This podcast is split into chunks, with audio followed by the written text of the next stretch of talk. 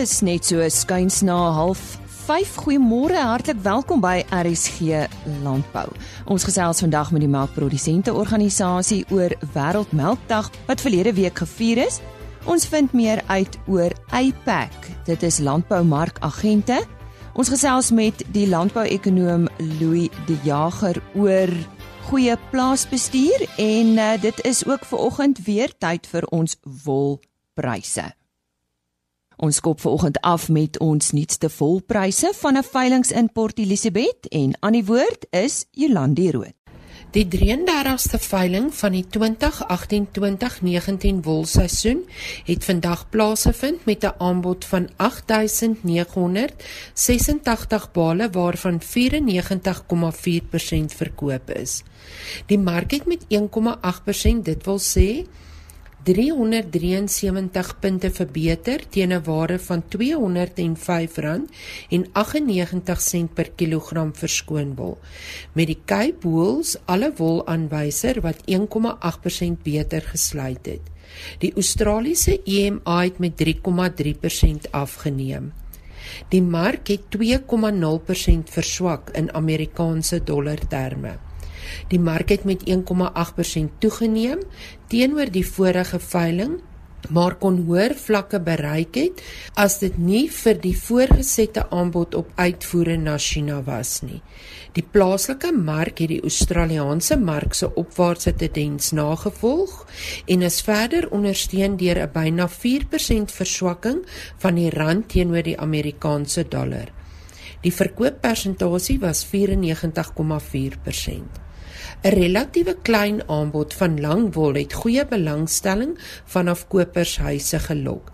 Die medium en kort wolle se prys het weer eens verdiskonteer weens die feit dat die wol vir China geoormerk is.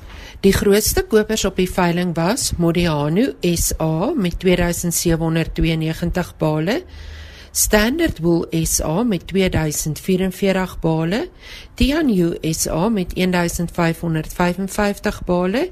En Lempriere SA met 1157 bale. Die gemiddelde skoonwolpryse vir die seleksie binne die verskillende mikron kategorieë goeie langkamwol tipes was soos volg: 18,0 mikron styg met 4,1% en sluit teen R232,52 per kilogram. 18,5 mikron neem toe met 4,6% en sluit teen R232,32 per kilogram. 19 mikron verhoog met 3,9% en sluit teen R224,14 per kilogram. 19,5 mikron versterk met 2,6% en sluit teen R219,42 per kilogram. 20 mikron is 1,6% op en sluit op R216,29 per kilogram. 20,5 mikron is 2,7% sterker en sluit op R213,68 per kilogram. 21,0 mikron styg met 1,1% en sluit op R216,82 per kilogram. 21,5 mikron het 0,3% afgeneem en sluit op R209,75 per kilogram. 22 mikron styg 0,5% en sluit op R212,21 per kilogram en 22,5 mikron is 4,8% beter en sluit op R216,46 per kilogram. Die volgende veiling vind plaas op 5 Junie wanneer plus minus 10838 bale aangebied sal word. Die stem daarvan Jolandi Rood en sy het vir ons ons nuutste wolmark verslag gelees. Die NPO het weer hierdie jaar saam met meer as 70 lande deel aan uh, Wêreldmelkdag vieringe gehad. En vanjaar se sagspreek was melk 'n simfonie van voedingsstowwe in elke druppel. Dit klink nogal baie spesiaal. Ons gesels met Barbara Beeld hieroor. Sy is bestuurder markontwikkeling en uh voldoeningsdienste by die melkprodusente organisasie Barbara nou Ja, 'n uh, 'n uh, wêreldmelkdag word beskou as 'n hoogtepunt uh op julle kalender. Waarom is dit so belangrik vir julle om hierdie dag te gevier het? Ehm um, Lisa, hierdie dag gee vir die NPO geleentheid om erkenning te gee aan ons melkbore wat so hard werk en dan natuurlik die veelsidige heilsame produk wat deur hulle geproduseer word. En dan vergeet ons ook nie dat die suiwelbedryf 'n baie belangrike rol speel in Suid-Afrika se ekonomie en 'n aansienlike bydrae maak tot die land se voedselsekuriteit en sekerheid. Wanneer was hierdie dag? Die uh melkdagvieringe het reeds begin uh op die 28ste Mei en afgesluit op die 1ste Junie wat dan ook die internasionale wêreldmelkdag was. Nou wat het die NPO vanjaar alles gedoen om 'n glasie te klink op wêreldmelkdag? Uh die NPO het 'n media veldtog van stapel gestuur om bewustheid te skep oor die dag en dan natuurlik ook om bietjie meer inligting te gee oor die veelsidigheid van suiwel. Dan het ons twee besoeke gereël deur groepe skoolkinders aan Willow Valley Dairy in Ruyten waar die kinders vertel en gewys is waar melk vandaan kom. Hulle het ook die geleentheid gekry om nader kennis te maak met kalfies en met koeie en vir hulle was 'n groot hoogtepunt 'n besoek aan die melkstal waar hulle self kon sien hoe koeie gemelk word. Ons het ook verder opvoedkundige materiaal wat opgestel is deur Melk SA se verbruikersopvoedingsprojek uitgedeel en dan ook die materiaal wat by die kurrikulum inpas vir die onderwysers gegee. Dan het uh, die MPO melk bevorder as die beste keuse vir 'n sportdrankie ook in samewerking met Melk SA uh, se verbruikersopvoedingsprojek by CrossFit Radium in Centurion. Um elke CrossFitter het na die middagklasse uh 'n ge gegeurde melkie van Woodlands gekry en ook melk van Clover.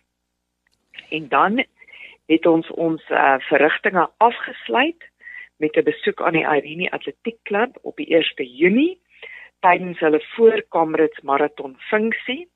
Daar het ons vir die atlete vertel hoe voordelig melk is voor en na wedlope. En elke kamrits deelnemer het ook 'n Woodland sjokolademelkie in hulle goodie bags gekry met 'n inligtingstukkie wat hulle saamneem kamrits maraton toe. Hoekom is melk so 'n goeie sportdrankie, Barbara? Melk is 'n ongelooflike goeie bron van energie. Dis 'n kragtige brandstof. Dit help ook mense wat sport doen om vinniger van sportbeserings te herstel en dan natuurlik ook met die bou van spiere.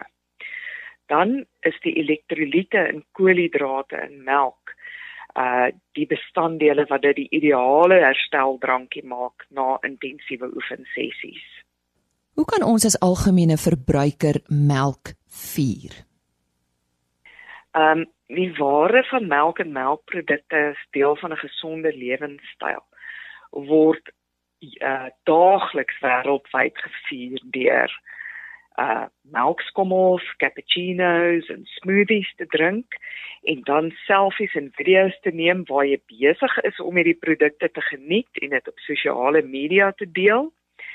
Deur spesiale etes voor te berei met net suiwelprodukte op die spyskaart, deur suiwelprodukte te skenk aan welsynsinstansies, deur 'n melkplaas te besoek en dan ook deur foto's te neem van melkkoeie en kalfies. Nou ja. Dit klink interessant en ek is seker ons almal sal so iets kan doen. Dit klink vir my nie daai warm koffie hierdie tyd van die jaar klink vir my na die wenner. En ek het daar gesels met eh, Barbara Beeld, sy's bestuurder markontwikkeling en voldoeningsdienste by die melkprodusente organisasie en sy het gesels oor wêreldmelkdag. Ons staan midde in 'n erge droogte tyd en baie boere weet nie meer wat om te doen om te oorleef nie. Johan Mouton, die tegniese bestuurder van RCL Foods, is 'n kenner op dierevoeding en u weet dat Henny Maas ook onlangs met hom gesels het. En hy was tydens 'n boeredag op Delports Hoop een van die sprekers wat vir boere wenke en raad gegee het hoe hulle hulle diere deur die droogte kan kry.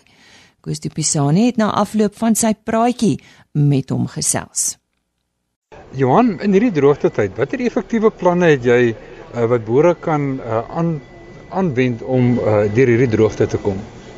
Koos, ja, dis dis moeilik want die, die eerste prys een wat ons moet doen, ons moet voer vir hierdie diere gee, nê. Nee. Ons kan nou in ek het in die lesing ook verwys daarna hoendermis is nie voer nie. Ons kan dit dalk gebruik om die ouens te help aan die lewe hou.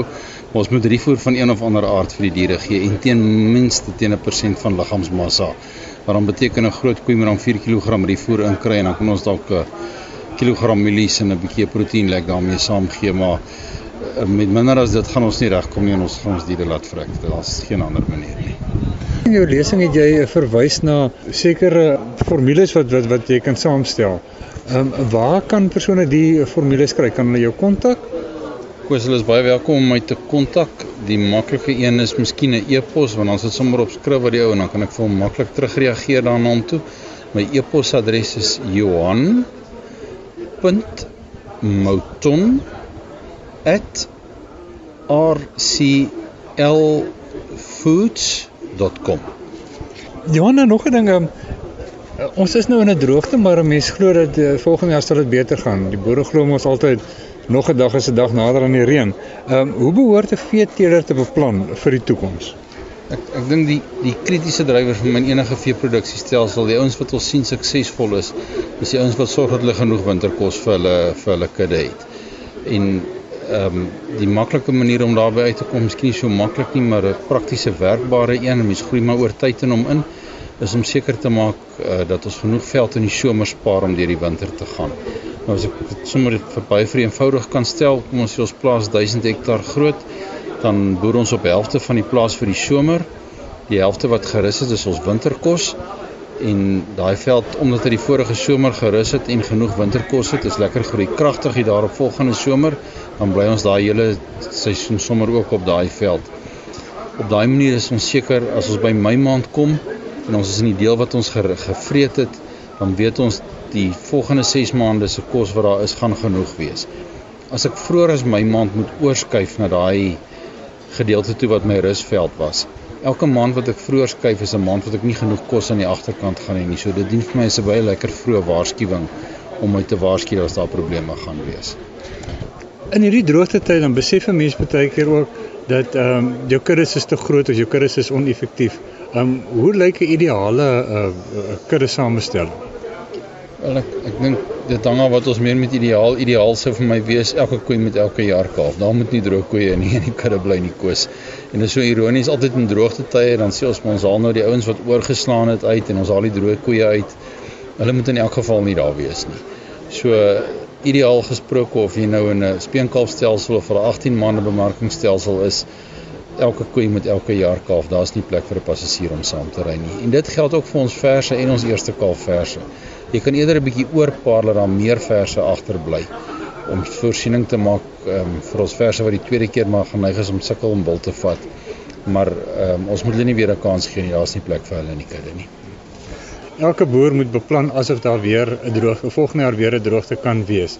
Dink jy uh, die boere moet hulle uh, bestuursmetodes verander of uh, wat sou jy vir die boere aanbeveel? Dis dis dis moeilik om te sê want ons ons sien tog gereeld boere wat uiters suksesvol deur moeilike droogtes gaan en ander ouens wat baie swaar kry. Ehm um, ek ek dink as ek goue reël kan neersit, die ouens wat suksesvol deurgaan is die ouens wat waarskynlik bietjie onder die amptelike draakap kapasiteit uh oor tydperk gelaai is en wat voorsiening maak vir 'n droogte en betyds diere minder maak in in in die kudde in en nie wag tot almal moet minder maak nie, ou wat waarskynlik betyds minder maak, ja. Dit is Johan Maton, ek is Koos de Pisani vir RSC Landbou op Delport Hoop. Ons sê baie dankie aan Koos de Pisani en hy praat altyd daarvan uit die Noord-Kaap.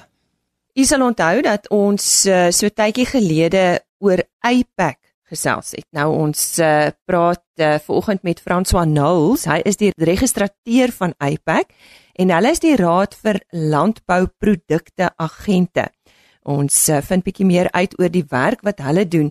Ja François, goeiemôre. Vertel eers vir ons weer wie is APAC? Goeiedag Lise en luisteraars. Dis regtig 'n voorreg om die werk van APAC en dit wat ons doen met julle te kan deel. APAC is die Engelse afkorting vir Agricultural Produce Agents Council, oftewel die Raad vir Landbouprodukte Agente. In die bedryf ken almal ons as APAC. APAC het in 1993 tot stand gekom in gevolge die Landbouprodukte Agente Wet en dit is Wet 12 van 1992. Wat 'n statutêre liggaam het APAC as mandaat die regulering van die aktiwiteite van varsprodukagente, uitvoeragente en lewende hawe agente. As reguleerder het APAC ook 'n verantwoordelikheid om toe te sien dat die status en aansien van hierdie drie bene of beroepsrigtinge in stand gehou en bevorder word. Ons primêre doel is egter om die boer se belange te beskerm. Dit beteken eenvoudig dat geregistreerde agente wat betrokke is met enige onwettige aktiwiteite of bedrog onder dissiplinêre proses van ons wet onderwerp sal word. Hierdeur wil ons verseker dat die boer gemoedsrus het om sy produkte deur die formele landbouwaardeketting en natuurlik deur middel van 'n geregistreerde agent te verhandel. Dit beteken etiese, eerbare en deursigtige besigheid en dit is vir APAC nie onderhandelbaar nie. Franswa, hoekom 'n boer en 'n varsprodukte agent bymekaar uit? Enige agent wat sy sout werd is, sal moeite doen om te weet van die boere daar buite. Waar hulle boer en met wat hulle boer. Die varsprodukte bedryf is baie kompeterend en 'n boer met 'n gehalte produk sal altyd in aanvraag bly. Indien boere egter wil weet watter agente in Suid-Afrika by ons geregistreer is, kan hulle ons webwerf besoek waar al die inligting redelik beskikbaar is. Dit is belangrik dat daar onderskeid getref moet word tussen varsprodukagente wat by varsprodukte marke werk. Daarteenoor het ons agente wat onafhanklik en nie op 'n markvloer werk nie. Ons verwys na hulle as off-market agents. Die wet en reëls vir beide hierdie groepe is dieselfde. Varsprodukte agente op 'n varsprodukte mark, soos byvoorbeeld Johannesburg mark, is egter ook onderworpe aan die bywette van die mark en dit is as die mark deur 'n munisipaliteit of 'n plaaslike owerheid beheer word. Jy praat van gehalte produkte. Hoe weet 'n boer wat om te produseer, François? Dis daar's geen maklike resep hiervoor nie. In die landbou is daar net te veel veranderlikes wat 'n boer in ag moet neem. My persoonlike advies hieroor is die volgende: Leer soveel as moontlik oor soveel as moontlik. Dit is oor produksie, verpakking, bemarking en aanvraag van varsprodukte Leer ook by soveel medeboere as moontlik. Ons boere in Suid-Afrika het groot harte en my ondervinding is dat hulle graag deel. Pas op om kort paaie te kies. Iets wat maklik is om te produseer en veral met 'n hoë omsetsnelheid is gewoonlik baie aanloklik vir nuwe toetreders in die landbou. Onthou dat vraag en aanbod prys bepaal en dat 'n ooraanbod van 'n produk, dis nou iets wat oënskynlik maklik is om te produseer, nie noodwendig die boer se rekenings gaan betaal nie. 'n Slim boer is iemand wat probeer om al die faktore en faktore en moontlike veranderlikes in ag te neem. En onthou, ons kan steeds nie die weer om maar net een veranderlike te noem bepaal of voorsien nie. Boerdery is 'n aspek wat hand in hand loop met 'n inkomste staat en 'n balansstaat. Inkomste, dis nou uit verkope, moet kostes kan dek en meer. Dan is 'n boerdery suksesvol en volhoubaar. 'n Boer kan nie pryse in die toekoms voorsien nie. Die geskiedenis is egter die naaste beste opsie en dit is my aanbeveling dat hulle soveel as moontlik inligting van pryse van 'n spesifieke produklyn of produklyne kry om te bepaal wat die tendens in die verlede was. En waar kry hulle hierdie inligting? By die geregistreerde varsprodukte agent wat namens hulle optree. Verskeie marke hou ook getrou prysstatistiek by wat op aanvraag beskikbaar is. Die departement van landbou kan ook hieroor genader word. Wat is IPAC se voorskrifte en vereistes vir boere wat produkte aan eh, varsprodukte agente lewer? Die heel belangrikste aspek waarop 'n boer moet fokus, en sommige boere wil dit natuurlik nie hoor nie, is hou jou papierwerk of administrasie in orde. Maak seker dat elke besending wat aan 'n varsprodukte agent gelewer word korrek gedokumenteer is en op 'n behoorlike stelsel vasgevang word. Onthou dit is jou lewenslyn tot jou inkomste. Dit stel 'n IPAC ook in staat indien daar ooit bedrog of oneerlikheid gepleeg word om die saak behoorlik op grond van formele papierwerk te beoordeel en aan te spreek. 'n Paar goedjies om te onthou. Jou naam. IPAC publiseer twee keer 'n jaar die name van onopgeëiste gelde verskuldig aan boere. Bloot omdat die agent geen idee het wie die boer is wat aan hom lewer nie. Hierdie gelde kan by IPAC geëis word indien genoegsame bewyse daarvoor gelewer word. Jou adres, die datum van aflewering, die produk en maak hier seker van gradering en verpakking, natuurlik ook die hoeveelheid. Moet asseblief nie raai nie. Moet ook nie toelaat dat die agent op sy verkoopsarea namens jou tel nie. Neem asseblief volle verantwoordelikheid vir jou produkte. Meneer Boer, jou etikering van jou produk is net so belangrik. Dit word wetlik voorgeskryf en in terme van Apex se reëls kan die koste om dit namens die boer te doen van die boer verhaal word. Neem asseblief kennis hiervan. Die laaste aspek wat krities belangrik is vir die boer is rekenskap deur die vasprodukte agent. Die reëls ten opsigte van vasprodukte agente stipuleer dat die boer as volg ingelig moet word. En ek beklemtoon die woord moet binne 3 dae oor die stand of die kwaliteit van sy produkte indien dit onverkoop is. Daarna op 'n weeklikse basis totdat die besending ten volle verkoop is enige afskrywings van produkte wat ongeskik is vir menslike gebruik. En ja, niemand wil hoor sy produk is afgeskryf nie. Meneer boer, wees asseblief versigtig dat die agent jou nie 'n rad voor die oë probeer draai nie. Onthou, 'n verkoopsvloer is nie 'n hospitaal vir siek en vrot produkte nie. Dit wat vrot is, bly vrot en word weggegooi. U as boer moet hiervan in kennis gestel word. Die volgende belangrike aspek is betaling binne 5 dae na verkope. Ongeag die hoeveelheid en op watter dag verkope plaasgevind het, die agent het 5 werksdae om die boer te vergoed. Laastens moet daar met die boer gekommunikeer word oor enige aftrekkings wat van sy verkope of omset gemaak word. Dit sluit in kommissie, koelkamerkoste en enige ander aspek waartoe die boer skriftelik ingestem het. Meneer die boer, moet asseblief nooit enigiets van selfs as van selfsprekend aanvaar nie moet nooit gemaklik raak en enige agent wat met jou inkomste werk blindelings vertrou nie. Wees proaktief. Beskerm jou belange en dring aan op die beste moontlike diens. Franso iPack werk baie hard om die belange van die boer te beskerm. Hoe sien julle die rol van die boer in die toekoms? Dis ek het 'n absolute passie vir ons boere in Suid-Afrika. 'n Boer is die heel belangrikste skakel in die landbouwaardeketting. Dis regtig van kardinale belang dat ons weer vir mekaar moet sê dat die landbou die basis is van ons ekonomie in Suid-Afrika. Kom ek som dit baie kort op. Geen boer, geen landbou, geen ekonomie en geen toekoms nie. Ons so baie dankie. Indien iemand met julle wil kontak maak, uh, hoe doen hulle dit? Lisa, baie dankie weer eens vir die geleentheid. Dis lekker om Apex se wêreld met jou en jou luisteraars te kon deel. Kontak ons gerus by 011 0891-3680 of besoek ons webwerf by www.ipacweb.org.za. Miskien moet jy net weer vir ons daai kontakbesonderhede herhaal en uh, ja, net die iPack, net vir ons luisteraars, dit is A P A C. Dit is uh uh hoe mens dit spel, maar herhaal net gou vir ons weer daai besonderhede asseblief François. Goed, ek maak so, kontak ons gerus by 011 894 3680 of by ons webwerf www.ipacweb.org.za. Dis a p a c w e b.org.za. En onthou daardie .org.za en dit was aan die stem van François Nouls, hy is die registreer van IPAC en hulle is die raad vir landbouprodukte agente. Koos de Pisani het gisteroggend ook met Louis de Jager gesels. Hy's 'n landbouekonoom en vanoggend fokus hulle saam op goeie plaasbestuur. Vir Louis de Jager, landbouvoorligter in die Noord-Kaap, lê suksesvolle boerderymetodes baie na in die hart.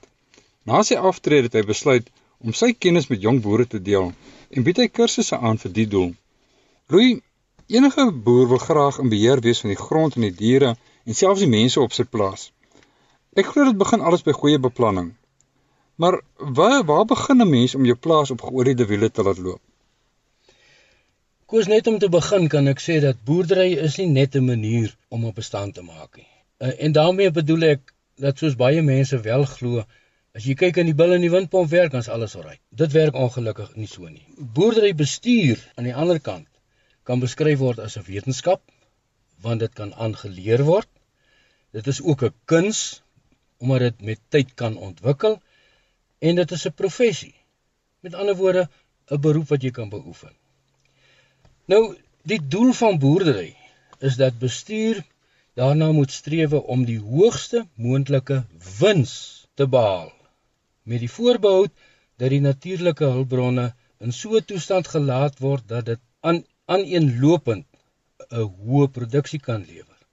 En onderworpe daaraan ook wil ek byvoeg, die strewe na wins moet nie 'n impak hê op 'n gelukkige huishouding nie. Nou, die taak van bestuur is eerstens om 'n behoorlike beplanning te doen. Daardeur beplan ons toekomstige aksies wat geneem moet word. Organisasie is net so belangrik om te bepaal watter take moet verrig word en deur wie dit gedoen moet word. Implementering sonder implementering beteken jou plan niks. Implementering moet begin anders los dit jou nêrens nie. Nou na implementering moet daar altyd kontrole wees sodat jy kan regstellings maak om jou voertuig op die pad te hou. Die doel van uh, boerderybestuur is om seker te maak dat alles suksesvol loop en hierdie sukses hang af van hoe die entrepreneur die vier produksiefaktore in landbou, naamlik grond, arbeid, kapitaal en bestuur gaan inspann. Indien jy jou boerdery regtig wil verbeter, dan is daar 5 stappe wat jy moet neem. Die eerste plek is ken jou boerdery en jy kan net jou boerdery ken deur goeie rekords te hou. Verder, die ontleding van die rekords gaan vir jou wys wat is die swakpunte in jou boerderystelsel. Jy kyk na draagkrag, word dit ten volle benut of word dit onderbenut? Is daar genoeg kampe? Is daar genoeg waterpunte? Jy kyk ook na die tipe lewende hawe. Is hulle werklik aangepas by die beskikbare veldtipes wat daar is? Grasveld, beeste en skape. Vreedbare bosse, bokke. Die kwaliteit van die lewende hawe, dit is nie onderhandelbaar nie. Jy kan met topkwaliteit boer sonder om 'n stoetery te begin. Die kudde samestelling is baie belangrik. Die produktiewe diere behoort tussen 60 en 70% van die totale kudde te wees. Dis nog altyd foute wat uitgewys kan word. Lam en kalf persentasies, is jy werklik tevrede met wat jy kry? Ons sal moet kyk na hoë kalf persentasies, hoë lam persentasies. Bestuur self, ons moet daarna kyk. Ons kyk na siektebeheer, ons kyk na teelprogramme, ons kyk na paarseisoene, ons kyk na vee rekords, veldbestuur, die lekke wat gegee word. Dit kom uit jou rekords uit. Voeding is jou voeding op 'n hoë basis. Dit is nie onderhandelbaar nie. As jy nie diere kan kos gee nie, is jy nie 'n boer nie. Dan kyk ons verder die derde punt uh wat ons ook nou moet kyk om te verbeter.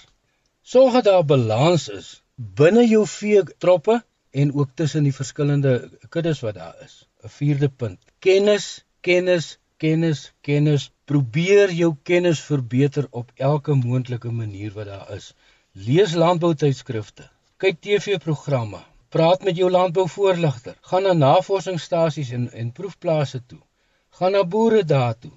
Praat met suksesvolle boere en die belangrikste seker, dink genoeg oor jou probleme.